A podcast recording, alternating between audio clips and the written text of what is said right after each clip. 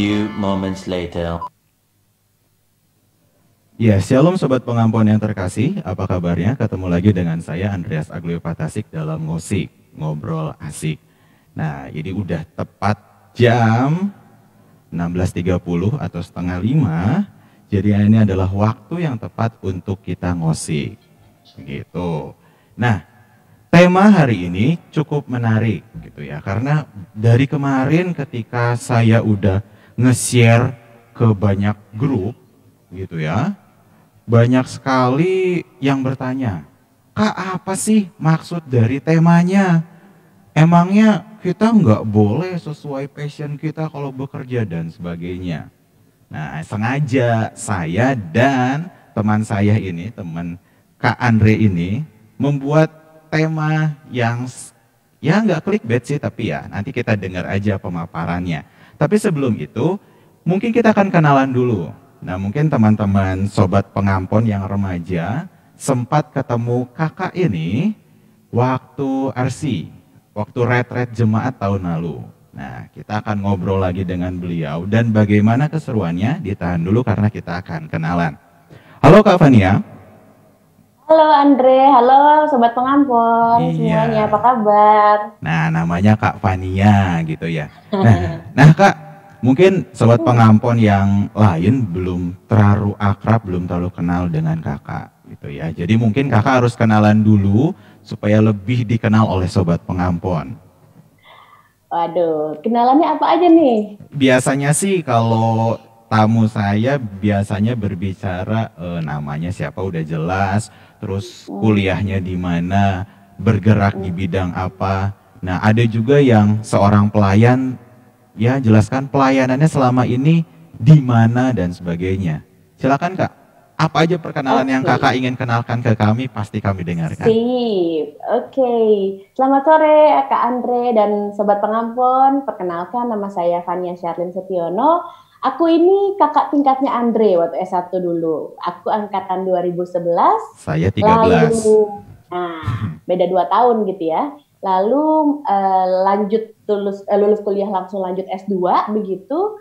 Kemudian sekarang ini menjadi dosen di UKDW gitu. Oh. Saya mengajar pendidikan agama Kristen untuk mahasiswa non teologi. Begitu. Oke, jadi cuman beda dua tahun dengan saya dengan Kak Andre tapi sekarang jadi dosen. Nah, gitu kan. Menarik gitu ya.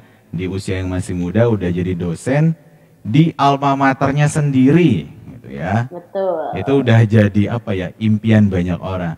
Nah, aku pernah Londre disangka masih mahasiswa Londre. Oh ya? Jadi kan tahu kan Dre kalau di kampus kita uh -huh. kan kita parkir di gedung Agape yang basement 2 ya. Betul. Kalau mahasiswa. Lalu yeah. kalau uh, staf karyawan dan dosen tuh bisa parkir di B1. Yeah, betul. Hari pertama aku masuk kantor, aku diusir sama satpam. Dibilang, "Ini khusus uh, karyawan UKDW." Loh, iya pak saya ngajar di sini. Lalu hari kedua, biar saya nggak mau diusir dulu, saya bilang, halo pak, selamat pagi, saya dosen baru. Oh, kenalan dulu. Karena masih terlalu muda. iya, belum 30 udah jadi dosen. Nah, kan saya juga sering kepo nih gitu ya, ngeliat Instagramnya Kak Fania ini sering keluar negeri gitu ya dan studi. Nah mungkin bisa diceritakan sedikit Kak, sebenarnya selama ini setelah S1 teologi ya, Kak Fania itu ngambil studi apa lagi? Terus bagaimana? Mungkin ini bisa jadi apa ya? Bisa menjadi pemacu buat teman-teman yang lain juga untuk belajar lebih giat, untuk bekerja lebih giat, begitu Kak. Oke, okay. jadi gini Andre, abis aku kelar S1 gitu kan, aku lagi dalam proses pergumulan waktu itu ya. Jadi 2016 tuh aku pergumulan apakah aku mau menjadi pendeta mm-hmm. atau masuk ke jemaat atau aku pengen yang lain. Nah, mm. waktu itu tuh titiknya tuh masih di tengah-tengah banget. Aku sebenarnya masih bingung aku mau jadi apa sih? Nah, terus uh, kebetulan waktu itu dosen pembimbingku baru naik Kak Pro, Kak Prodi S2, begitu lalu beliau menawarkan, e, Fania mau nggak lanjut S2 di Duta Wacana? uh, tanpa tes langsung kamu masuk lah aku ditawarin kayak gitu langsung oke okay, boleh mungkin inilah jalannya lalu yeah. Iya. uh, sembari konseling uh, juga lalu dibilang ya ini proses discernment jadi proses hmm. pemantapan hati apakah aku mau jadi pendeta atau Tuhan panggil aku untuk yang lainnya gitu. Lalu aku kuliah lah S2 di Duta Wacana. Nah, aku kuliah uh, dua tahun begitu uh, tepat, tapi di semester ketiga itu aku punya kesempatan untuk uh, berangkat atau mengerjakan riset tesisku di Belanda gitu. Wow. Nah, itu prosesnya sebenarnya di Duta Wacana itu uh, terbuka untuk siapa pun. Hmm. Jadi uh, beberapa temanku juga mengirimkan proposal. Nah, puji Tuhan yang keterima proposalku hmm. begitu. Lalu aku disa, uh, berangkat ke Belanda 2017 uh, mengerjakan uh, tesis satu semester dibimbing langsung oleh uh, supervisor yang mengeluarkan teori tersebut begitu aku wow. uh, ngambil tesis tentang uh, perjanjian lama begitu lalu dengan metode tafsir yang cukup uh, baru gitu intercultural hermeneutic dibimbing langsung sama Prof Hans de Witt. Kalau teman-teman teologi tahu itu uh, supervisornya Pak Daniel gitu. Jadi oh. aku di Indonesia di supervisor sama Pak Daniel, dosen pembimbingku Pak Daniel tapi aku punya kesempatan untuk berguru langsung ke gurunya Pak Daniel gitu. Nah, lalu aku di Belanda, aku di Amsterdam begitu selama satu semester uh, di bawah asuhan Free University dan uh, eh, PTHU Protestanse Theologische uh, Universiteit itu full scholarship. Jadi dari tiket pesawat bahkan bikin visa nih Indre kan bikin visa kalau nggak di Jakarta di Surabaya nih cuma hmm. bisa dua. Itu pun juga dibayarin tiket pesawatnya semua full tempat tinggal, makan, uh, tiket pesawat, visa, uh, kuliah itu semua dibayarin gitu. Lalu aku balik lagi ke Indonesia uh, mengerjakan tesisku, menyelesaikan tesisku, uh, sidang selesai, sudah ke ke Sindre. Hmm. Berarti mungkin banyak gambaran orang kalau misalnya masuk teologi keluarnya pasti jadi pendeta tuh tidak ah. seperti itu ya kak ya. Karena iya. biasanya oh kalau kamu masuk mana nih setelah SMA? Oh mau teologi dong. Oh berarti jadi pendeta. Ya tidak harus jadi pendeta sebenarnya mungkin seperti kakak misalnya ada di jalannya. Nah ketika berbicara tentang ini semua kak, kakak eh, S1 teologi Duta Wacana, lalu S2-nya di Belanda, lalu banyak pengalaman-pengalaman bahkan kakak pun berkecimpung di bidang sosial Nah yang menjadi pertanyaan saya sebelum masuk ke tema kita yang menarik itu, cita-cita kakak tuh apa? Kenapa? Cita-cita. Iya, kok apa ya? Kan biasanya kalau anak-anak gitu misalnya ditanya ketika masih kecil, kamu mau jadi apa? Tentara. Ya udah saya bakal kejar terus jadi tentara gitu. Saya ingin jadi ini, ya udah saya akan kejar terus. Atau bahkan mungkin saya nggak tahu cita-cita saya apa, tapi gedenya kerja gitu. Nah sebenarnya setelah apa yang kakak lakukan, studi yang kakak tempuh, cita-cita kakak tuh apa? Dari kecil ya, jadi yeah. bicara tentang cita-cita ini perjalanan panjang nih Andre. Hmm. Ini ya, uh, aku ingat waktu aku kecil tuh nggak tahu Andre nih uh, masih zaman nggak ya atau kita udah berbeda generasi ya jangan. Ada yang boneka Susan itu loh, jadi ingat kayak ya, yang di pangku, di pangku. uh, uh, mau jadi apa, ya. kayak gitu. Nah itu tuh selalu uh, ditanyakan orang-orang gitu ya, kamu ya. mau jadi apa dan biasa anak kecil itu pasti sangat normatif banget kayak cita-cita itu adalah pekerjaan gitu ya. Cita-cita sama dengan pekerjaan, jadi pilot, jadi polisi, jadi tentara, jadi dokter begitu kan. Lah terus aku tuh eh, anehnya dari kecil aku nggak pernah punya pandangan kayak gitu, Andre. Aku nggak nggak nggak langsung aku pengen jadi tentara, nggak nggak pernah. Pokoknya aku nggak pernah berpikir mau jadi profesi tertentu, bekerja jadi hmm. profesi tertentu. Nah uniknya adalah waktu aku dulu sekolah minggu gitu, aku juga kebetulan jemaat GKI Sobat Pengampon, tapi aku dari GKI Gunung Sahari Jakarta. Nah, aku tuh waktu sekolah minggu di Gunung Sahari, aku pernah ikut sekolah uh, sekolah Injil liburan kalau di tempat kami, lalu ada lomba nyanyi. Nah, hmm. aku nyanyi lagu, mungkin teman-teman tahu yang uh, pakai pakailah aku sebagai pelayan kecilmu hmm. gitu. Intinya menyerahkan diri kepada Tuhan. Nah lalu seingatku aku menang.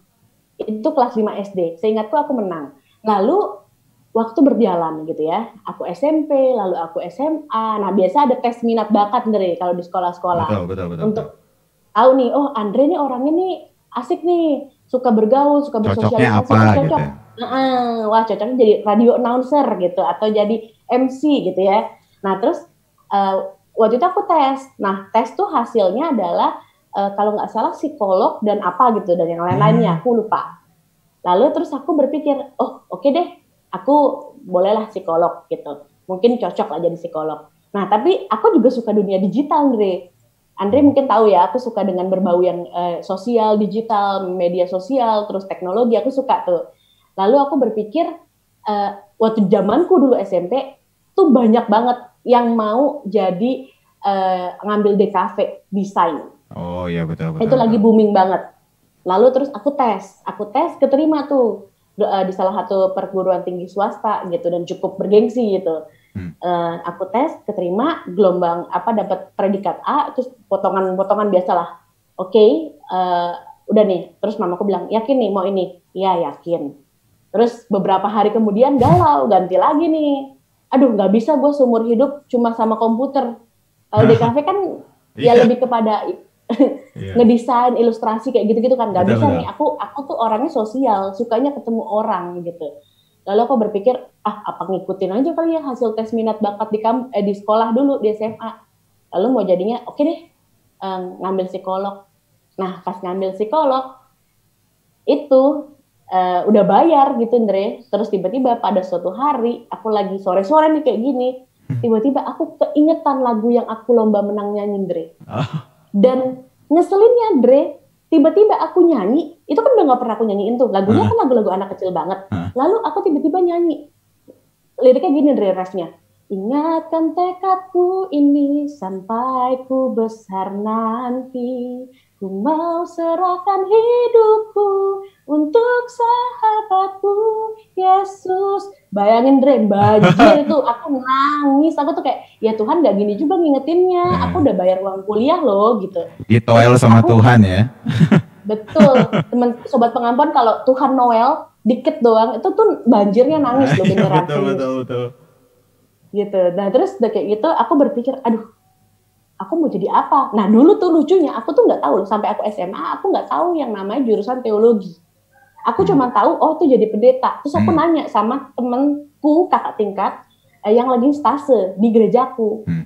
Pak, emang jadi pendeta tuh harus kuliah? gitu, polos banget ya. Terus Iya, kuliah. Kuliahnya tuh teologi namanya. Oh, teologi. Oke. Terus akhirnya aku nggak berani ngomong sama mamaku. Tapi ya karena nangis itu ditoel Tuhan, mau nggak mau. Akhirnya oke okay lah memberanikan diri untuk tes, lalu keterima. Lalu aku bilang sama mamaku, Ma, aku mau masuk teologi. Mamaku bilang, apa? Ngapain kamu masuk teologi? Nanti kamu nggak punya duit. uh, jadi gini sobat pengampun Kak Andre, mamaku tuh bisnis woman banget. Jadi keluargaku oh. semuanya tuh wirausaha dan emang hidupnya dari berdagang begitu. Jadi mamaku berpikir, wah kamu ngapain mau jadi uh, pendeta? Mamaku mikirnya gitu kuliah teologi jadi pendeta. Ya aku juga dulu mikirnya begitu. Terus dan sedangkan mamaku sedikit. juga Ah, betul dan mamaku tahu persis karena mamaku suka berbagi lah dengan para pendeta itu kasih souvenir dan bla bla Jadi mamaku bilang, "Mama aja suka sumbangan ke pendeta ke gereja. Lah, anak mama mau jadi pendeta, siapa yang mau kasih nanti uangnya?"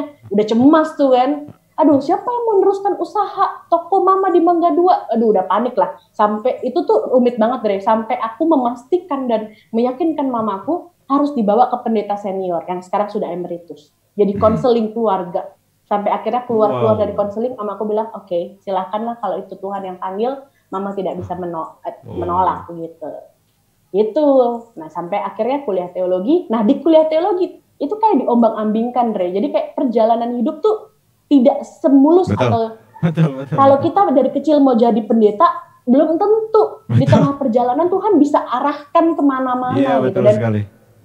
justru kita harus terbuka gitu loh Dre kalau kita ya menutup pintu atau menutupkan telinga, menutup hati, ya kita nggak akan bisa ngapa-ngapain gitu. Karena kuasa Tuhan jauh lebih besar, Andre. Mau se ya kayak Yunus lah, mau mau dia kabur sebagaimanapun Tuhan bisa panggil dia tetap gitu. Itu sih. Gitu, Andre. Jadi emang cita-cita itu udah apa ya?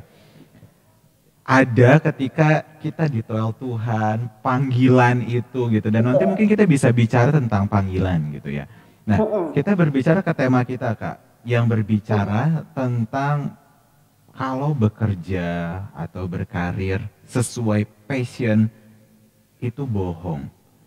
Nah, mm. Setahu saya kalau misalnya saya berkarir di suatu tempat, suatu pekerjaan, saya bekerja di satu bidang tertentu, saya harus sesuai passion saya. Karena Hmm. kalau saya nggak sesuai passion saya, saya nggak akan ada semangat gitu. Dan bahkan Hmm. orang kalau misalnya ditanya, eh bro lu kerja apa? Oh gue kerja di ini. Lu senang nggak di sana? Ya senang karena sesuai passion gua. Nah, terus Hmm. banyak lagi alasan kalau misalnya eh, kerja sesuatu gitu. Eh lu kerja di mana di sini?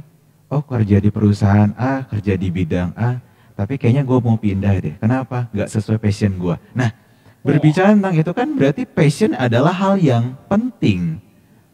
Ya kan? Nah, tapi tema kita seakan-akan tidak berbicara tentang itu. Nah, mungkin kakak Iya. bisa jelaskan apa sih maksud dari tema kita itu, biar tidak disangka clickbait kak. Oke. Ya, gitu. Oke, Siap, oke. siap. Kita anti anti clickbait ya. Iya, anti, anti, anti, anti. Ya, oke. Aku boleh share screen ya, Andre? Oh iya boleh. Oke, sekalian Oke. Kak Fania share screen, sekalian menunggu. Mm-mm. Saya juga mau mengingatkan kepada sobat pengampon, kalau misalnya ada yang mau tanya, ada yang mau kirim salam, silahkan. Nanti ketika 15 atau 20 menit terakhir sebelum kita selesai, nanti ada sesi tanya jawab Kak Fania ya, nggak apa-apa ya? Ya, boleh Iya. dong, boleh banget. Jadi ada Q&A-nya gitu ya di terakhirnya boleh tanya, boleh kasih saran, boleh juga kirim-kirim salam. Ini sepertinya udah puluhan juga kasih emot-emot gitu ya. Dan sudah Wow. banyak yang bergabung dengan kita gitu ya. Jadi disimpan dulu penasarannya sobat pengampon. Kita dengarkan dulu pemaparan dari Kak Fania dan nanti di akhir bisa kita tanya-tanya. Oke, silakan Kak Fania.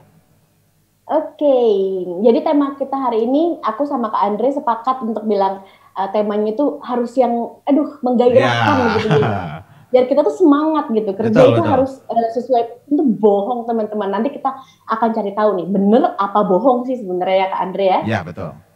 Tuh, oke. Tadi Kak Andre udah nanya nih, apa cita-citamu? Cita-cita itu selalu uh, identik dengan pekerjaan tertentu begitu ya. Hmm. Kalau ditanya cita-cita apa sih? Oh, jadi pilot atau jadi dokter, jadi pendeta begitu ya. Nah, eh, tadi aku udah cerita Andre panjang. Ini gambarnya nih kebetulan Hmm. gambarnya aku coba cari-cari gini. Jadi yang baju putih itu Andre yang itu di gerejaku Andre, Oh. paduan suara. Itu bukan latihan jadi pendeta GPIB bukan. gitu. Iya. Ini lagi paduan suara aktif banget aku dulu di gereja gitu. Nah, terus eh, ternyata kalau teman eh, sobat pengampun lihat sendiri Andre sendiri dengar dari ceritaku itu benar-benar apa ya kayak kayak ini tuh namanya peziarahan hidup gitu loh teman-teman. Ini namanya peziarahan hidup yang Tuhan yang eh, pegang kendali gitu. Mau Tuhan Tuhan tuh ibaratnya kalau ini kan ada sepeda nih. Hmm. Tuhan tuh yang megang stangnya teman-teman sebenarnya. Da- mau kita sebagaimanapun kalau Tuhan sudah berkehendak, Tuhan sudah bilang A, ya pasti akan diarahkan ke A. Sekuat apa pun kita, sekuat apa pun orang tua yang kontrol kita, sekuat apa pun teman-teman yang menginfluence kita, itu pasti akan arahnya jalannya ke sana, teman-teman. Gitu. Nah, ini uh, foto-fotonya begitu lalu ini pas uh, yang di atas itu yang pakai baju toga itu aku wisuda S1, lalu yang bawah ini aku Itu wisuda apa tahun namanya? berapa kak? 2016 2016. awal, Hmm. terus eh, yang bawah ini aku 2008 eh 2018 ya lah, 2018 sampai 2019 awal begitu. Hmm. Lalu sebenarnya juga Andre, aku eh, ini nambahin cerita yang tadi gitu ya. Sebenarnya eh, pas kemarin lulus itu perjalanannya kalau diceritakan lagi gitu, kenapa aku sampai akhirnya jadi dosen, itu menarik juga sih Andre. Karena aku mengetahui lowongan pekerjaan aku jadi eh, do- dosen di UKDW itu bukan dari orang dalam UKDW, bukan dari website UKDW, tapi dari Twitter. Hmm. Bayangkan, aku lagi tengah malam, terus aku buka Twitter, oh UKDW buka lowongan, oke aku daftar deh. Dan aku daftar itu sebagai backup plan. Karena sebenarnya 2011, 2019 kemarin aku sudah diterima kuliah di Belanda, Hmm. full scholarship. Lalu aku men- ada kendala lah, ini kayak kayak ada maunya Tuhan gitu loh. Ada Kayak udah kendala, diatur jalannya gitu ya. Betul, betul Dre. Sampai akhirnya aku tuh bilang Tuhan, Tuhan tuh selucu ini ya. Ini kayak anak kecil diiming-imingin permen di depan mata, tapi dia nggak bisa ambil Iya. gitu. Aku udah dapat full scholarship, harusnya berangkat September 2019, Tapi tiba-tiba ada kendala visa, visaku lama banget, entah kenapa satu setengah bulan delay visaku. Lalu aku putuskan untuk oke okay, aku nggak bisa berangkat. Kalau aku berangkat aku akan ketinggalan pelajaran, masuk-masuk datang ke Belanda langsung tiba-tiba UTS, bayangkan aku nggak mungkin bakal bisa gitu. Lalu aku takut juga. Lalu ya sudah, Tuhan ternyata bukakan jalan yang lain begitu. Nah ini kan ketika kita bisa bicara peziarahan di mana Tuhan yang mengontrol hidup kita, itu ternyata unik gitu. Kalau kita lihat, kalau kita lihat pas zoom in banget gitu, pas melihat cuma berputar pada masalah itu kita akan stres. Tapi kalau kita coba lihat sebagai rangkaian benang merah itu akan oke okay banget. Gitu akan gila ya Tuhan tuh hidupnya eh, hidupku ini benar-benar Tuhan jaga betul gitu. Nah, uh, ah ini aku pernah buat di postingan di uh, Instagramku hmm. gitu. Ini yang aku lakukan selama WFH atau di rumah aja atau suah karantina ini. Jadi tetap bisa produktif melakukan banyak hal karena apa? Karena bukan kalau kalau tadi bicara tentang apakah menjadi dos, dosen itu passionnya Kak Fania, hmm. aku bilang aku bilang bukan. Ada hal lain selain passion yang bisa membuatku tetap produktif dan tidak stres di kala pandemi ini. Aku bisa melakukan sembilan pekerjaan sekaligus gitu.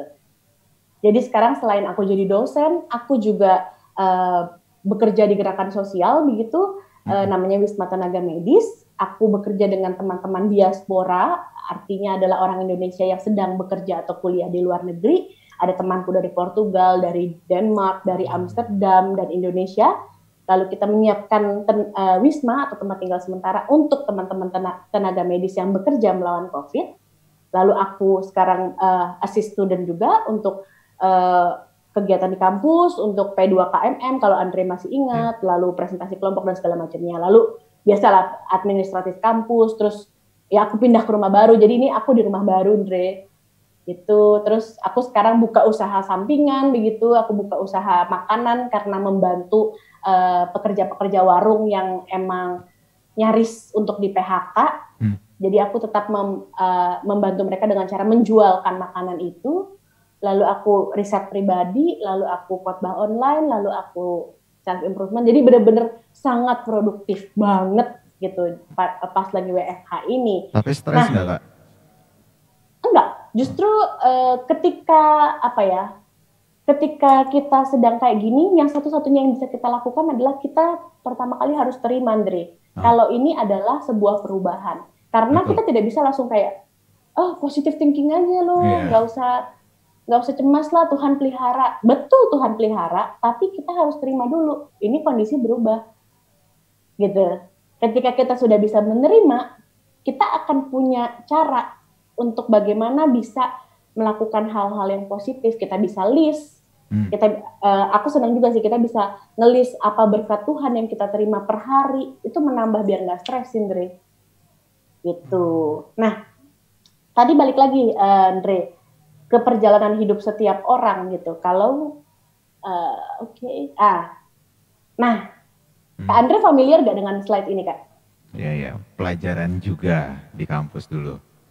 Nah, ini slide juga kalau sobat pengampon ikut waktu itu retret uh, retret apa nih namanya? Ya retret jemaat. Tahun ah, lalu ya kayak. Ya? Iya, tahun lalu aku juga diminta Andre untuk jadi uh, pembicara di uh, retret GKI Pengampon. Waktu itu aku di bagian remaja ya Andre ya. Iya, betul. Nah, uh, ini salah satu uh, materinya begitu bahwa ini kita hidup itu uh, menurut Erik Erikson itu ada yang namanya psikoanalisis gitu. Jadi bagaimana setiap kehidupan kita setiap usia tuh punya titik krusial yang harus bisa dilewati agar kita naik ke step berikutnya dan tidak ketinggalan gitu. Nah kalau kita lihat nih Andre, uh, orang biasanya mulai galau tentang mau jadi apa itu tuh pas SMA, bener nggak Andre? Betul. Masih kalau mencari SD, kan? uh -uh, masih mencari dan biasanya tuh benchmarking atau biasanya tuh kayak bandingin sama orang yeah. lain temennya gitu. Betul, oh temenku banyak nih yang ngambil DKV, aku juga ah gitu. Temenku banyak nih yang manajemen, aku juga ah gitu. Mungkin sobat pengampun sekarang betul. lagi pada galau nih. Apalagi disuruh orang tuanya ya. Betul. betul banget dan aku kan sekarang ngajar Andre. Mahasiswaku tuh angkatan tahun pertama tahun kedua dan uh, aku pernah ngelakuin survei ke mereka kecil-kecilan, 70% dari mereka mengambil jurusan tersebut itu karena disuruh orang tua, bukan kehendak mereka. 70% Dre, gede banget kan? Banyak itu, banyak. Banyak banget gitu. Kalau mahasiswa aku ada 120-an gitu, aku megang tiga kelas semester ini, ya berarti berapa itu? Hampir 80. 80 90 uh -uh. ya. Uh -uh. Itu oh. mereka karena orang uh, disuruh orang tua. Nah persoalannya nih, kan ini udah kadung gitu ya, udah iya. terlanjur yeah. gitu loh. Mau gimana dong? Gitu kan. Nah, ini kita ada di tahapan lima bahwa kita tuh sedang bingung, aku apa sih? Aku siapa sih? Aku mau jadi apa sih? Aku mau bekerja sesuai passionku tapi orang tua aku melarang gimana nih hmm. gitu kan? Kebingungan-kebingungan itu gitu. Nah, kalau misalkan aku lihat Dre, uh, ini berdasarkan survei di uh, eh, IDN Research Institute gitu bahwa biasanya orang yang sedang bergumul gitu, kita mau jadi apa, bekerja sesuai passion atau uh, keluar gitu bekerja sesuai passion tapi gajinya sedikit atau keluar gajinya banyak tapi tidak sesuai passion itu kan dilematis dilematis nah ini kita biasanya yang sedang berpikiran seperti itu itu ada di kategori generasi milenial gitu ya kalau menurut IDN tuh ada dua ada dua pembagian milenial sebenarnya Tri.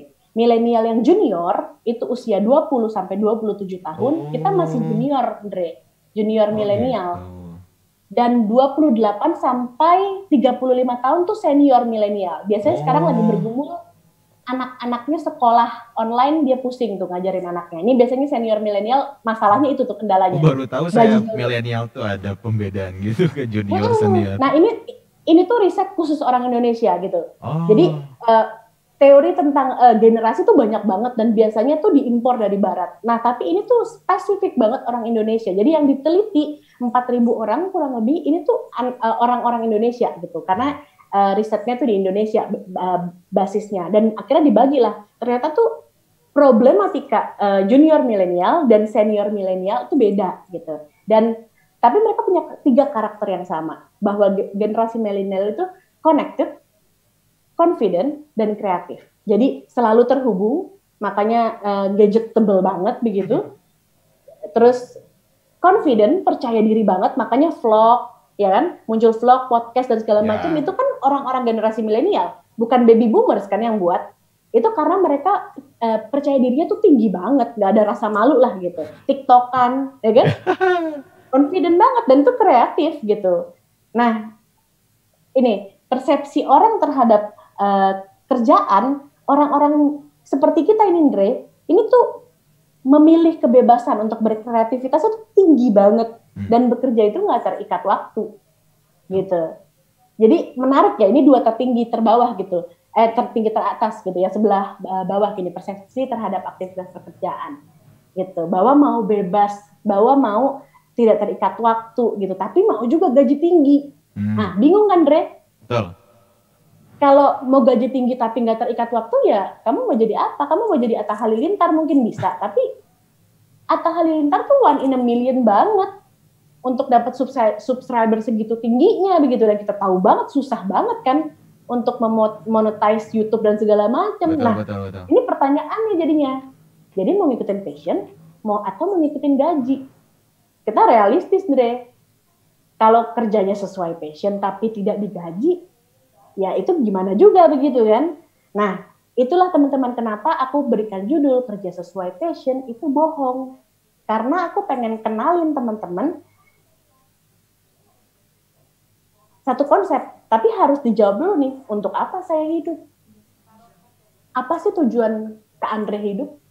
Apa sih tujuan aku hidup? Ini pertanyaan mendasar eksistensialis banget ya, gitu loh. Tapi sangat sulit untuk dijawab.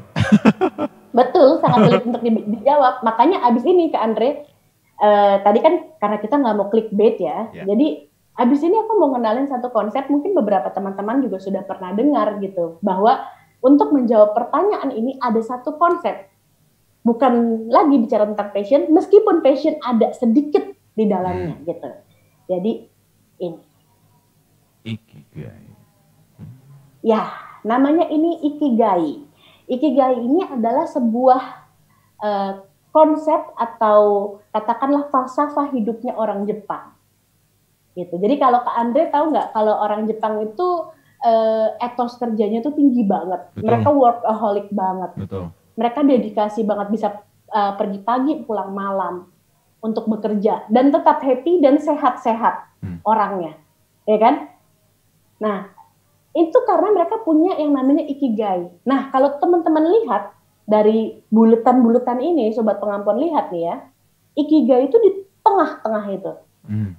Nah, tapi gimana nih eh, Kak Fania cara bacanya? Nih, kita baca bareng-bareng ya teman-teman diagram ini. Hmm. Mulai dari yang eh, hijau dulu. Hijau ini what you are good at. Apa yang kamu bagus hmm. lakukan itu. Misalkan uh, Kak Andre ini cukup gadgetable. Akhirnya dia memutuskan untuk membuat musik ini, gitu ya. Itu bagus berarti. Nah, lalu bergerak yang ke kuning. Apa yang kamu suka? Nah, ketika perpaduan antara apa yang kamu suka dan apa yang kamu bisa bagus lakukan, itu namanya passion. Hmm. Gitu. Nah, lanjut lagi ya, lanjut. Lalu apa yang kamu suka, yang kuning, love, dan yang dunia butuhkan, needs, perpaduan itu dua adalah mission. Hmm. Kalau untuk contoh yang paling gampang, Bunda Teresa. Hmm. Bunda Teresa keluar dari biara, pergi ke Kalkuta, menolong orang banyak yang sakit, dan dia suka itu. Itu missionnya mission. dia. Oh. Iya. Lalu bergerak lagi ke bawah, apa yang dunia butuhkan, needs, dan apa yang kamu bisa dibayar, dan bisa kamu bisa dapat uang dari hal itu, itu namanya vocation. Nah, vocation di sini berbeda mungkin ke Andre dengan iya. vocation yeah. vocabulary, vocabulary dari uh, teologi gitu. Hmm, vocation ini uh -uh, kalau vocationnya teologi itu calling. Nah, tapi hmm. vocation di ikigai menurut uh, namanya aku lupa siapa nama orangnya, tapi aku punya bukunya. Kalau uh, sobat pengampun mau bisa uh, minta ke Andre nanti aku bisa kirim ke Andre gitu ya. Nah, itu tuh uh, apa namanya? Antara kedua itu namanya vocation atau mungkin disebut eh, sebagai mungkin pekerjaan kali ya. Hmm. Jadi eh, lebih kepada panggilan pekerjaan, bukan panggilan dalam artian calling dari Tuhan gitu. Hmm. Nah, lalu lanjut lagi yang biru, apa yang kamu bisa dapat uang dibayar dari situ dan kamu bagus. Itu namanya profesimu. Karena di dunia pekerjaan profesional, ini kan namanya profesional, kamu bagus maka kamu dibayar gitu kan. Tidak ada perusahaan atau tempat yang mau mempekerjakan orang yang tidak bagus gitu kan. Hmm. Nah, itu namanya profession.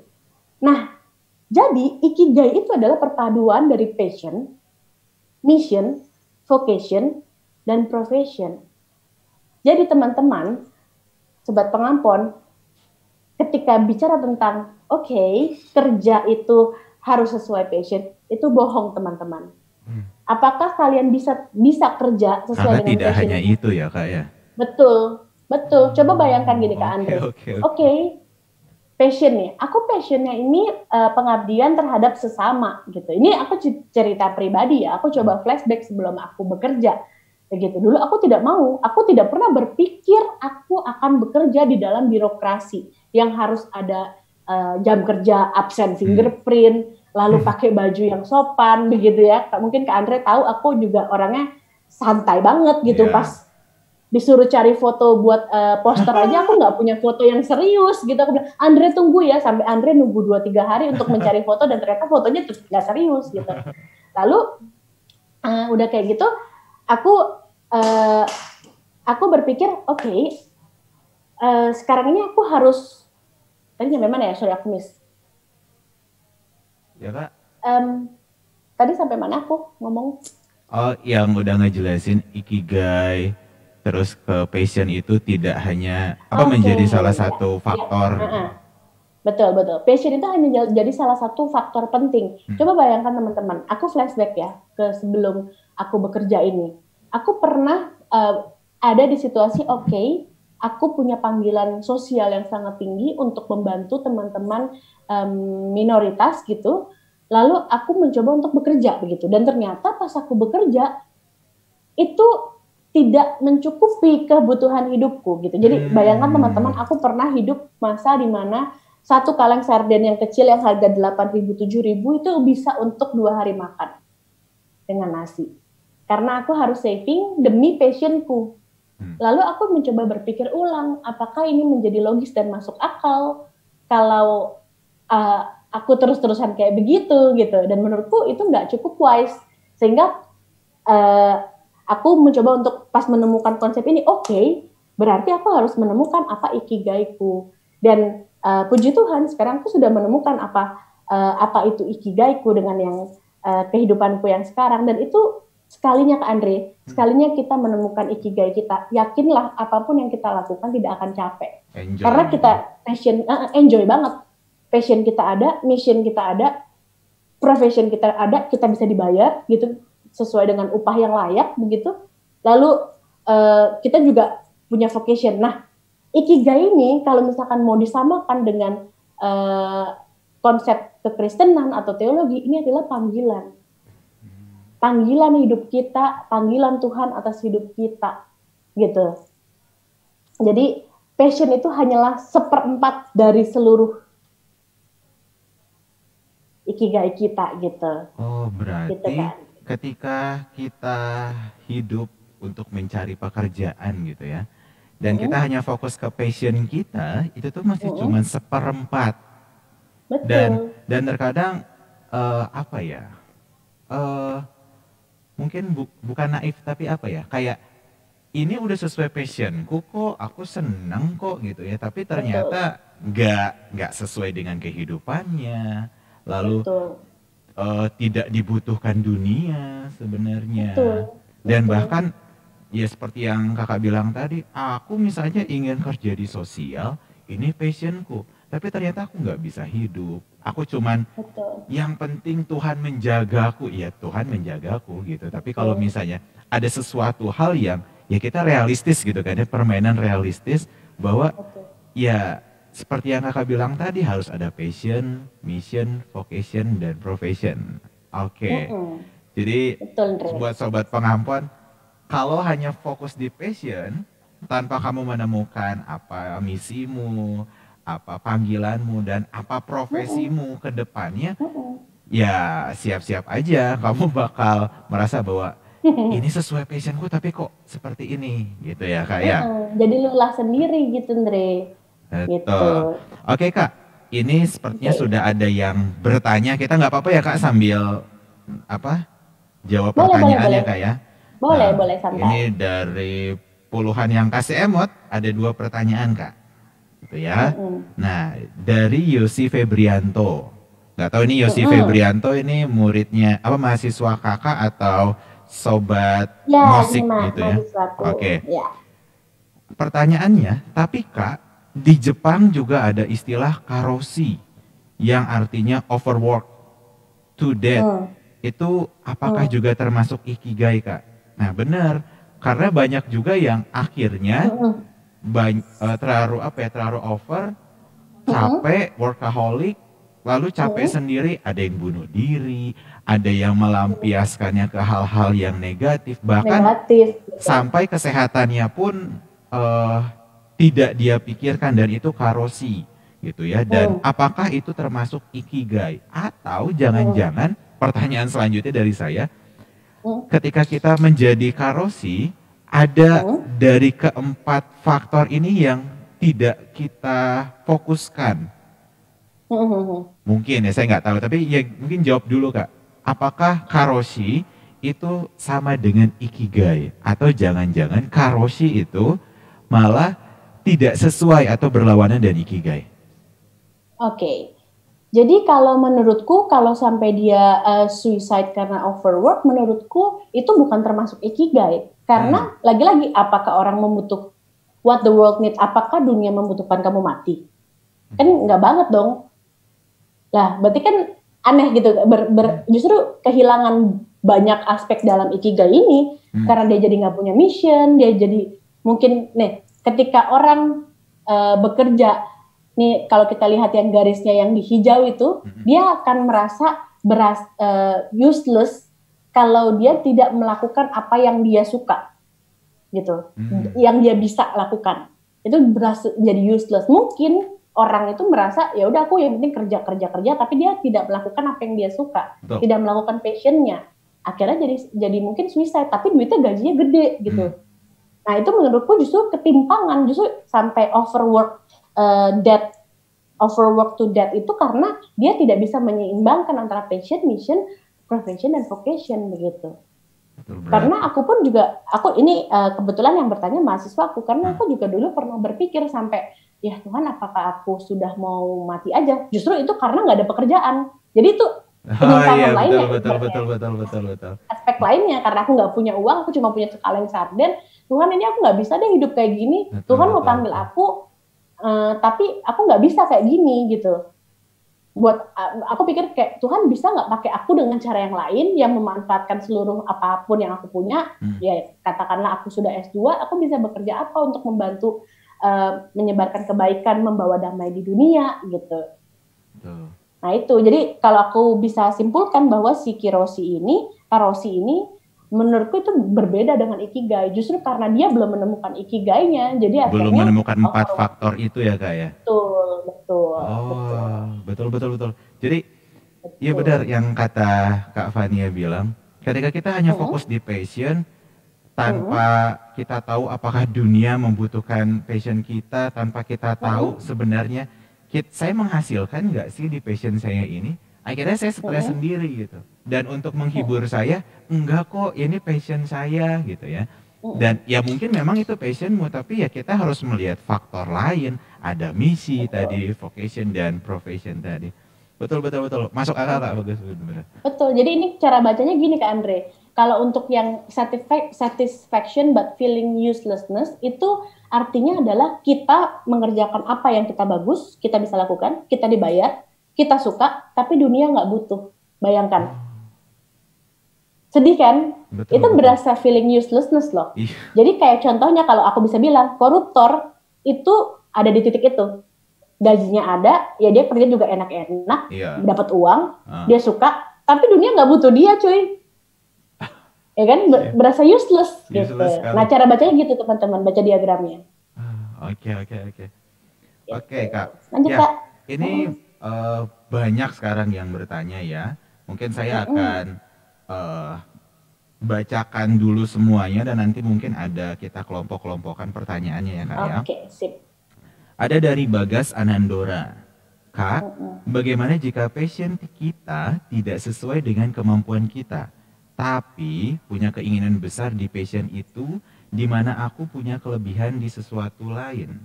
Tapi aku memiliki passion dan kemauan yang besar di sesuatu lain juga. Jadi, oh mungkin bercabang. Dia hmm. ada di passion tertentu, tapi kayaknya saya lebih cocok di passion ini dan sebagainya gitu ya. Nah, terus kita lanjut dulu. Mungkin Kak Fania bisa ambil catat gitu ya. Ya, ya. Aku okay. sambil baca. Oke. Okay. Lalu Yosepin Amelia Kak, uh -uh. kalau dipaksa ortu buat ngikutin keinginannya, curhat, kayak kuliahnya uh -uh. harus profesi ini dan kerjanya gini, padahalnya anaknya nggak mau, itu gimana ya kak? Oh berarti orang tua mau harus nonton ini juga, biar tahu juga ya. Oke, pertanyaan. Boleh dikasih linknya boleh tuh, yeah. orang tuanya. Atau nonton bareng gitu ya. Lalu ada dari step Kak, kalau ada yang merasa nggak punya passion dan nggak tahu juga mau pilih profesi apa, gimana ya kak? Wah betul sekali. Biasanya ini anak-anak SMA yang, duh, gua kuliah apa ya? Ah yang penting gua kuliah. Nah gitu ya kak ya. Jadi bingungnya di situ. Lalu ada Natania Fajar Sugeng. Kak, bagaimana menemukan ikigai yang sesuai? di mana apa yang dibutuhkan lingkungan sekitar itu selalu berkembang dan berubah bagus sekali. Oke, Dari bagus Natania banget Fajar pengampun Sugeng. nih. Iya mungkin Natania Fajar Sugeng. Lalu ada Valentino Bisai. Kak mau tanya bagaimana bila aku punya pilihan hidup sebagai suatu profesi yang sudah kupersiapkan matang dengan belajar dan improve mm-hmm. kemampuanku di situ, tapi kadang kondisi orang tua yang bawahnya memiliki pandangan. Oh iya, pan orang tua yang memiliki pandangan bahwa ada profesi yang lebih baik dan itu kujalani sekarang. Dan aku nyaman dan bisa berada di sana. Tetapi aku tetap merasa bahwa aku juga bisa hidup dari pilihanku oh. itu. Jadi salahkah kak? Oke oh, oke. Okay, okay. Mantap. Ini relate banget dengan kehidupan remaja dan Mm-mm. pemuda ya kak ya. Betul. Lalu ini ada Keisha Tiara Leosa, ini anak teologi Mm-mm. 2014 kak. Mm-mm. Kak, bagaimana kita bisa mulai untuk memproses diri menemukan ikigai kita? Betul sekali. Karena ini usia-usia kita harus udah seenggaknya tahu gitu ya Iya. ikigai kita tuh Iya. apa ya kak ya. Betul betul. Lalu ada Keisha Karen. Mm. Hai. Oh ini teman seangkatan. Hai Kak Fania Iya. dan Andre. Mungkin bisa di-share Hai, juga Keisha. dong. Sampai tahap respon diri yang seperti apa kita bisa menilai diri kita. Oh ini ikigai. Atau oh Hmm. ini panggilanku. Thank you. Hmm. Nah, Oke. lalu ada Englisian Lovelyn Handoko. Kak, Mm-mm. kalau kita masih bingung dan nggak tentu soal apa yang kita inginkan, belum nemu Mm-mm. yang pas untuk kita, sarannya gimana ya Mm-mm. kak?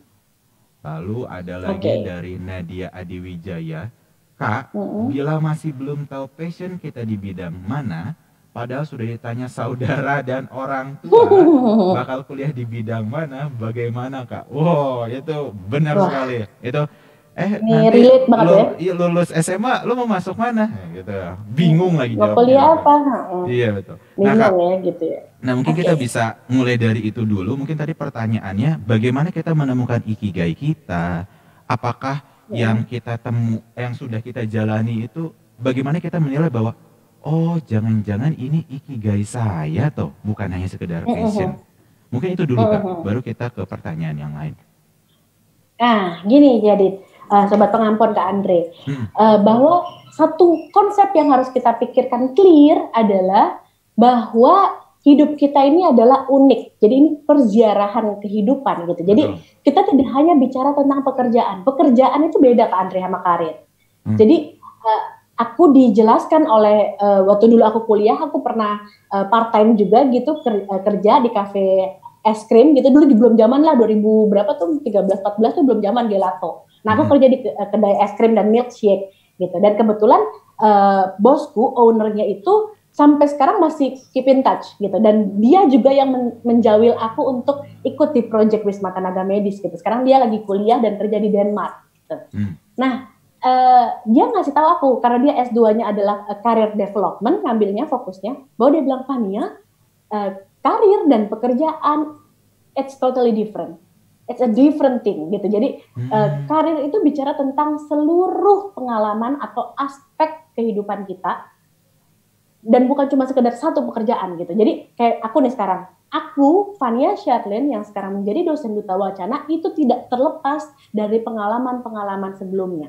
Pengalaman aku aktif di Korem, pengalaman aku kerja di cafe milkshake. Kalau mikir kan apa hubungannya milkshake dengan teologi? Tidak ada kan? Gitu. Tapi dari segi karir, karir development itu sangat eh, berkaitan karena bagaimanapun juga pas aku bekerja di situ itu membentuk siapa diriku gitu. Itu kata-kata eh, temanku, bosku yang sekarang kami bekerja sama di eh, Project Wisma Tenaga Medis gitu ya. Jadi namanya Tika Yusuf, dia dulu ex announcernya pro- Project Direct- Directornya Suara Gama FM di Jogja gitu ya. Jadi thank you Mbak Tika, aku pakai ilmunya untuk share ke sobat pengampon gitu ya. Nah, lalu itu tuh semuanya. Jadi setiap pengalaman hidup kita bahkan pengalaman pengalaman-pengalaman pribadi gitu. Jadi misalkan eh, kita buka jualan sendiri atau Hmm. mungkin kita putus cinta itu membuat kita beralih atau mungkin kita jatuh cinta membuat kita beralih profesi itu itu termasuk eh, Udah dinamika. alurnya ya. Betul, itu dinamika perjalanan keziarahan hidup kita yang aja. harus Betul. Jadi kalau tadi pertanyaannya adalah bagaimana menemukan ikigai kita, salah satunya adalah Kak Andre, sobat Mhm. pengampon, cobalah refleksi. Hmm. Cobalah menarik diri sejenak, trace back dan coba di, di list.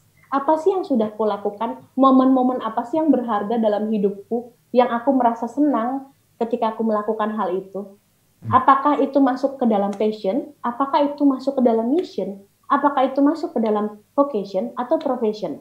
Jadi coba ketika sudah di list, coba untuk diklasifikasikan gitu. Lalu ketika sudah diklasifikasikan, oke, pekerjaanku sekarang ini adalah dosen dengan berbagai aktivitas di luar, kegiatan sosial, kegiatan gerejawi, eh, buka usaha pribadi. Ah, apakah itu sudah benar-benar kalian merasa cukup gitu. Kalau kalian sudah bergerak dengan rasa senang, rasa sukacita, enjoy, tidak pernah merasa lelah, justru malah uh, self love gitu. Kalau tadi Karolsi itu kan tidak self love gitu. Iya, betul. Kalau kalian bergerak atas dasar joyfulness, ada sukacita meluap-luap dalam hati kalian, itu ikigai. Dan yang bisa nilai cuma kalian.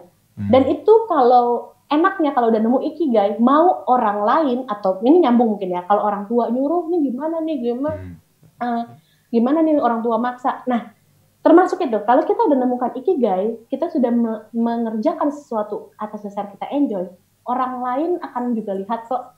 Betul. Dan lama-lama orang tua justru justru akan lihat, oh anakku memang bakatnya ini di situ di, gitu ya di situ gitu. Hmm. Misalkan anakku ini bakatnya adalah youtuber gitu, bukan untuk jadi dokter gitu hmm. kan.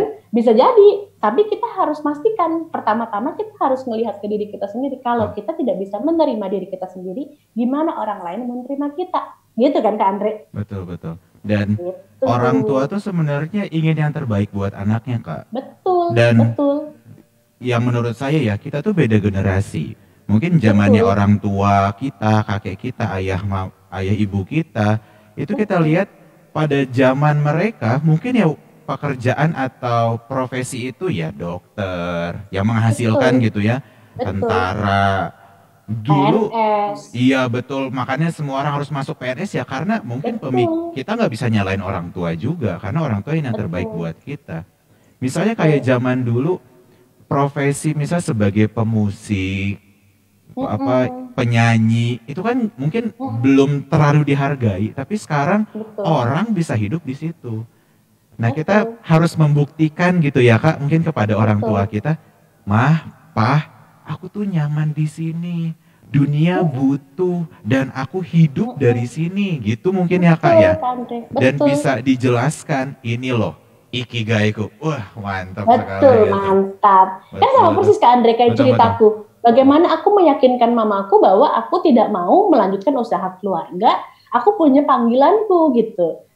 Aku punya calling from God gitu, yang harus aku kerjakan gitu. Dan cara menjelaskannya kan banyak hal. Hmm. Aku sampai sudah tidak bisa berdebat, mamaku cukup otoriter. Hmm. Jadi mamaku galak banget gitu. Aku tidak bisa berdebat gitu.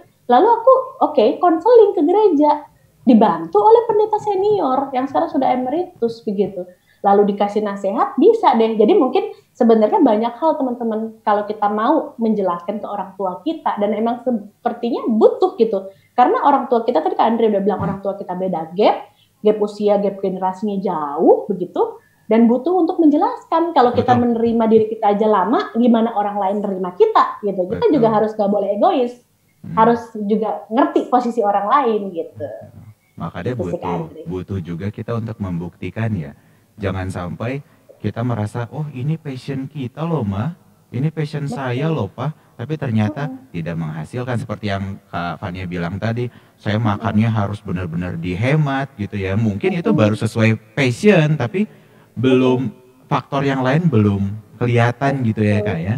Dan tadi menjawab bahwa dari mana kita e, merasa bahwa apakah ini ikigai saya gitu ya. Ketika kita udah merasa empat faktor itu tercukupi, kita yang bisa nilai ya kak ya. Mm -mm. Itu personal banget Betul. Kak Andre dan Sobat Pengampon. Itu bukan orang lain yang nilai, wih kamu kerja udah sesuai passionmu nih, eh dunia nggak butuh nih. Itu nggak, itu sesuai diri kita. Karena hmm. contohnya ya, yang orang hmm. lain mungkin bisa nilai adalah apa yang dunia butuhkan. Tapi kan apa yang dunia butuhkan banyak Andre. Dan kita Betul. kan bukan bukan superhuman gitu. Kita hmm. tetap bisa mengambil bagian sedikit kecil gitu. Kayak contohnya sekarang ini aku, aku sedang bekerja di Wisma Tenaga Medis, proyek sosial. Itu hal kecil loh yang aku bisa bantu. Hmm. Jadi kalau masalah pandemi gini, semua orang butuh bantuan sandang pangan papan. Yang aku bisa bantu apa? Ya sudah aku pilih fokus hmm. papan, hmm. menyediakan tempat tinggal, gitu. Jadi tetap basicnya ke kita sangat subjektif banget dan inilah butuh untuk bimbingan Tuhan. Ketik coba untuk terus digumulkan, coba untuk refleksi, coba untuk journaling, coba untuk saat teduh, di situlah Tuhan bisa sentuh. Oke, okay, kamu sekarang sudah sesuai dengan uh, kehendakku begitu. Dan kalau belum sesuai itu kan pasti akan kasih terus gitu, kasih buka jalan lah gitu. Betul betul betul. Dan uh, bahayanya adalah ketika kita mungkin terlalu memikirkan apa sih yang dunia butuhkan gitu ya dan apa yang bisa saya lakukan di situ mungkin mungkin kita maksudnya baik ya kak. Oh saya ingin tolong dunia gitu. Tapi nggak tahu ya apa ini sesuai. Mungkin nanti kita malah masuk ke namanya messianic syndrome di mana kita iya betul. Betul ya. Yang kita ingin nolong kalau misalnya kita nggak bisa nolong akhirnya kita yang down sendiri kayak gitu ya. Betul dan betul, makanya harus betul. disesuaikan dengan empat faktor apa tiga faktor lainnya ya kak ya. Betul. Oh, Betul. Jadi misalkan menarik. kita mau menolong orang, tapi kita sendiri pun dalam menolong orang itu kita mengambil katakanlah mengambil duit atau mengambil keuntungan. Hmm. Akhirnya kan jadinya malah nggak produktif. Orang Betul. tidak tertolong, kita malah mencari pekerjaan di tempat yang seharusnya kita tidak mencari pekerjaan. Betul. Gitu kan? Malah orang jatuhnya di situ ya kak ya. Malah Iya, karena kok terlalu banget. terlalu fokus dengan satu hal gitu ya. Mm-mm. Betul. Oke oke. Nah kak ini ada pertanyaan lagi dari. Oke mungkin waktu kita sekitar 10 menit lagi karena mungkin habis ini Mm-mm. teman-teman ada eh, ada, Ada yang yang, berbuka akan puasa. berbuka gitu ya. Oke ini ada dari Clement Nicodemus. Selamat sore kak. Bagaimana jika sudah dilakukan diskusi dengan orang tua terkait profesi kita atau passion kita, tetapi orang tua tetap tidak setuju atau tidak mendukung? Jika Mm. kita tetap memaksakan passion kita, apakah tindakan itu benar dengan harapan ke depannya kita ingin membuktikan ke orang tua jika jalan yang kita pilih itu benar? Jadi ini mungkin Mm. balik lagi ketika kita bagaimana menjelaskan gitu ya apa Mm-mm. ya apa yang sesuai dengan ikigai kita. Lalu ini ada Mm-mm. Sinta Feani. Nah, ini menarik, Kak. Bagaimana cara membedakan hobi dengan passion atau mungkin dengan ikigai gitu maksudnya? Karena Oke. banyak orang juga kan eh, hobi itu kalau bisa apa ya? Jadi uang gitu ya dan dunia butuhkan gitu ya. Dan dan ini buat sobat pengampun mungkin karena waktu kita tidak lama lagi, kita nggak tahu nanti apakah ini akan ada part 2, part 3-nya. Soalnya Waduh. soalnya saya eh, mungkin ini salah satu komen yang terbanyak gitu ya selama ngosik ini. Jadi ngosik itu udah lima episode kah ini episode kelima gitu ya. Biasanya tuh yang nanya tuh satu dua ya paling banyak lima. Nah ini banyak gitu ya dan berarti responnya menarik. Nah saya nggak tahu tergantung saat pengampun nanti kalau misalnya memang mau ada part 2, part 3 sampai part berapa nanti kita usahain ya kak ya. Iya, Gitu ya, siap. tapi- Aku siap bantu. Tapi untuk saat ini mungkin ya waktu kita terbatas gitu ya. Mm-mm. Dan mungkin itu dulu deh kak yang kita coba bal apa kita coba jawab mengenai jawaban apa pertanyaan dari Clement dan Sinta. Oke, kalau untuk yang Clement tadi sepertinya aku udah sempat nyerempet jawab sih, maksudnya eh, kalau misalkan di kita itu sudah mentok, kayak tadi contoh pribadiku ya, aku cuma bisa memberikan contoh pribadiku, ya eh, bisa eh, konsultasi ke orang yang dianggap lebih kredibel untuk menjadi mediator. Kalau dalam kasusku tadi pendeta senior gitu, mamaku sangat eh, nurut banget sama pendeta senior itu. Jadi Hmm. ketika aku bilang ke pendeta senior, aku konsultasi, aku konseling, lalu eh, pendeta seniornya itu panggil mamaku, konseling terpisah, lalu konseling barengan, ya akhirnya ketemu deh jalan tengahnya gitu. Jadi eh, sebenarnya banyak cara sih teman-teman eh, ngasih tahu ke orang tua tuh nggak harus ngoyo. Orang tua tuh butuh kepastian dan untuk dia pengen percaya gini, orang tua tuh pengen yang terbaik buat kita, sobat pengampun. Betul. Cuma beda aja jalan pemikirannya. Jadi kita harus tetap buktikan apakah ternyata passion kita atau misalkan ikigai kita ini benar apa enggak. Harus diuji terus teman-teman. Hmm. Apakah jangan-jangan ini anget-anget tai ayam gitu. Mm-mm. Bisa tahun depan ah enggak lah ganti berubah. Berubah-berubah ya. orang- Iya orang tua juga akan jadinya kayak ini anak gua serius nggak nih sih? Iya. Aduh track recordnya nggak bener nih selama ini hobinya ganti-ganti gitu kan. Nah itu. Nah jadi eh, butuh untuk terus di-assess lah untuk diuji begitu. Lalu eh, Sinta Feani ini, Kak gimana cara bedain hobi dengan passion Hmm, gitu. menarik itu. Nah orang selalu berpikir bagaimana hobi bisa dijadikan eh, pekerjaan atau Iya. passion atau ikigai gitu.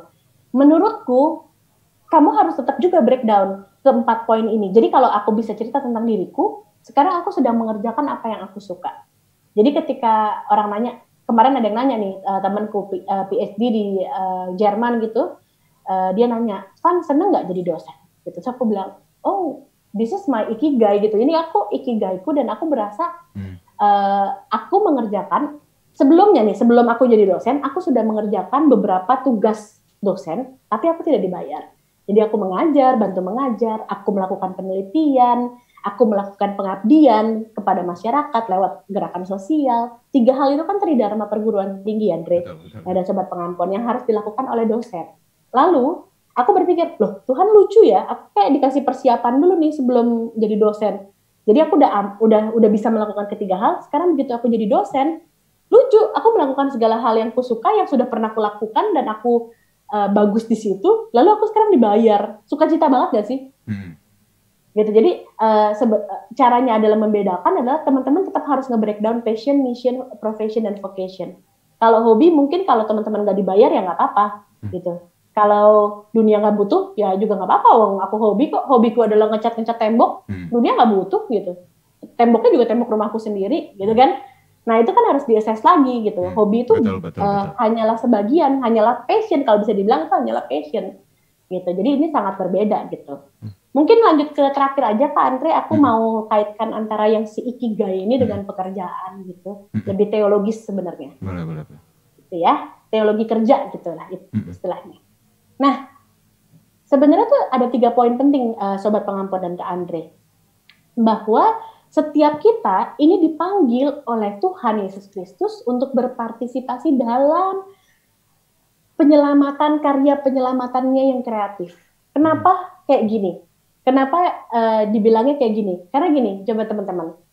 Tuhan kan mau menyelamatkan manusia gini ya, dengan caranya yang kreatif. Coba bayangkan, kalau kita selalu berpikir pekerjaan yang baik adalah A, contohnya, aku contohnya, pekerjaan yang baik adalah pendeta. Sobat pengampun coba pikir, kalau semua orang jadi pendeta, siapa yang mau kasih makan, siapa yang mau nanam padi, siapa yang mau nganterin pesanan Shopee kalian, gitu. Tidak bisa, tidak akan terjadi keselamatan, malah terjadi kekeosan karena hmm. siapa yang mau jadi jemaat kalau semuanya jadi pendeta, hmm. ya kan, Kak Andre?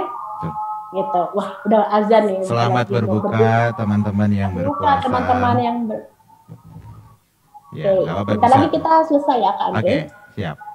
Oke, terus yang kedua sobat pengampun, bahwa setiap kita dipanggil untuk bekerja yang kita bisa gitu. Jadi hmm. bukan memaksakan diri, bukan sok-sokan bisa gitu, tapi hmm. apa yang kita bisa gitu. Teologi kerja berbicara tentang itu. Hmm. Lalu yang terakhir adalah, nah Tuhan memanggil kita keseluruhan hidup. Jadi kalau tadi pakai bahasa kita tadi adalah peziarahan hidup kita. Hmm.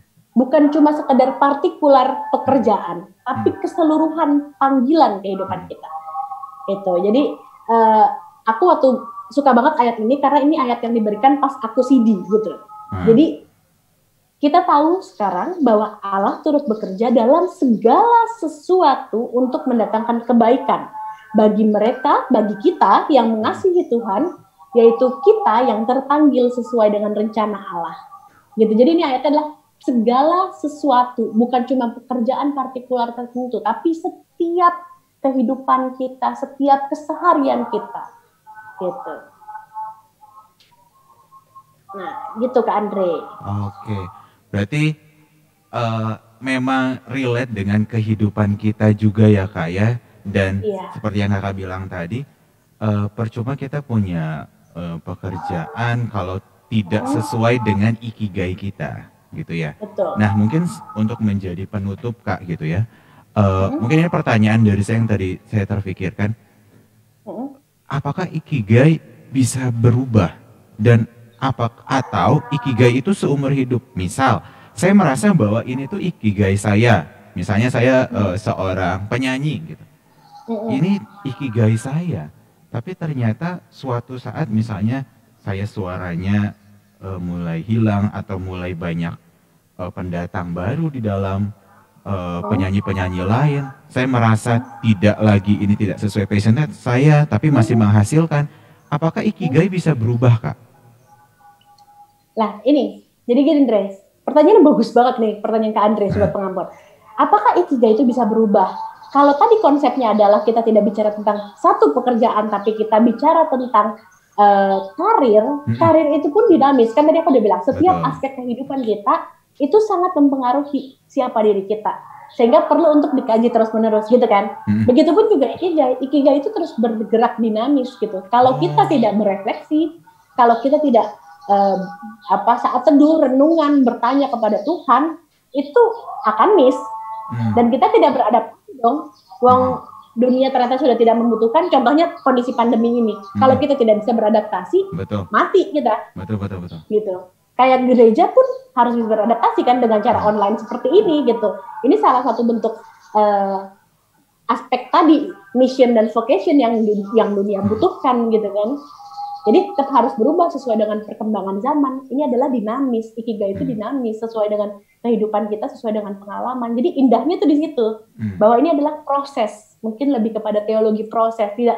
Tuhan itu tidak menciptakan kita dari ketiadaan, tapi kreasionya tuh kontinua, terus menerus. Betul, Betul sekali. Oke, berarti ketika kita berbicara tentang ikigai, teman-teman oh. jangan berfokus hanya kepada profesi, tapi ini adalah Betul. sebuah karir atau jenjang karir. Di mana misalnya saya dulu tukang jualan, terus tiba-tiba saya jadi youtuber, tiba-tiba saya jadi penyanyi.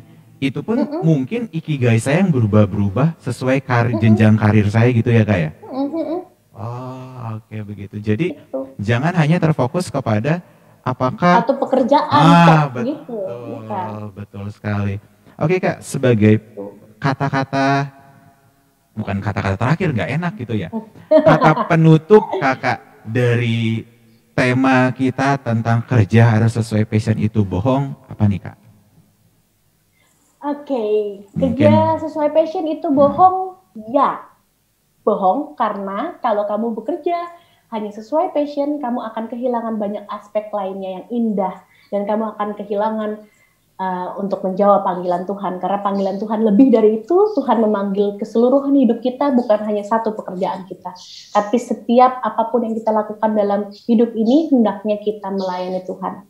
Gitu. Segala sesuatu yang kita lakukan itu harus mendatangkan kebaikan karena kita dipanggil sesuai dengan rencana Allah tidak peduli berapapun usia kita, kita masih kecil, mau kita sudah besar, tidak usah menjadi minder atau takut. Jangan seorang pun anggap engkau rendah, sobat pengampun, karena kau muda.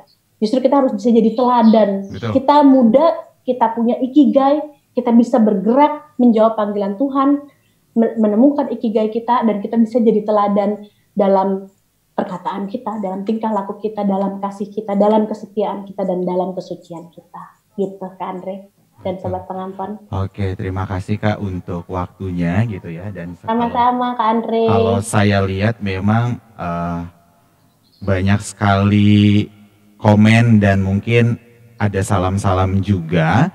Jadi saya nggak tahu apakah nanti akan ada part 2 atau part 3-nya dari tema ini karena tema ini menurut saya masih banyak sih dari saya pribadi pun banyak pertanyaan gitu ya dan yang mungkin bagus untuk di-sharingkan kepada sobat pengampun. Nah, saya nggak tahu ke depannya apakah uh, akan ada part-partnya, tapi kita siap mungkin ya kak ya. Kita untuk, open, kita iya, sangat betul. seneng berbagi pengalaman. Aku juga tadi pengen banget nanya banyak ke kak Andre hmm. karena aku seneng. Kenapa aku Kak Andre ini ya sobat pengampun mungkin yang uh, sudah tahu juga Kak Andre ini tuh aku merasa Kak Andre sudah menemukan ikigainya ah. gitu dan aku sudah melihat loh dari Andre perjalanan Andre kuliah gitu karena kita cuma beda dua tahun hmm. jadi aku melihat oh Andre ini enjoy banget hidupnya dan berasa nggak sih ketika melihat orang yang punya ikigai terus dia uh, kita ngelihat mereka kayak match kayak, gitu ya eh, terus kayak menimbulkan positive vibes gitu jadi hmm. kita kayak merasa oh gue juga pengen produktif nih hmm. enak nih seru nih hidupnya nggak stres nih gue seneng temenan sama dia nih gitu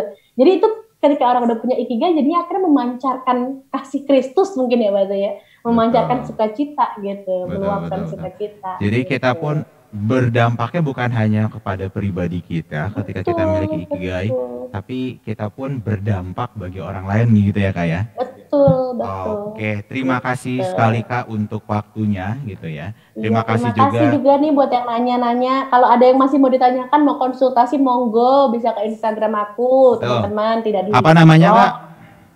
Advania.charlin at fania.charlin gitu ya Aha, nanti boleh. di Instagram ada dan biasanya yang saya tuh sering lihat uh, Kak Fania tuh di storynya sering bikin apa namanya pos-pos yang menarik gitu ya. Terus juga ada pertanyaan-pertanyaan gitu ya. Buka juga pertanyaan buat teman-teman yang mau sharing itu bisa Silahkan, di Instagramnya Kak Fania gitu ya. Ya. Nah untuk minggu depan Sobat Pengampun apa temanya ataukah ada musik tentang kerja harus sesuai passion itu bohong part 2 kita belum tahu gitu ya. Tapi terus ada di sini kita pindah hari Kak. Dulu eh apa kemarin Sabtu tapi sudah dua minggu ini kita pindah ke hari Minggu gitu ya. Minggu jam setengah lima sore teman-teman tetap pantengin ah, YouTube GKI Pengampon gitu ya untuk terus mendengarkan musik episode-episode selanjutnya.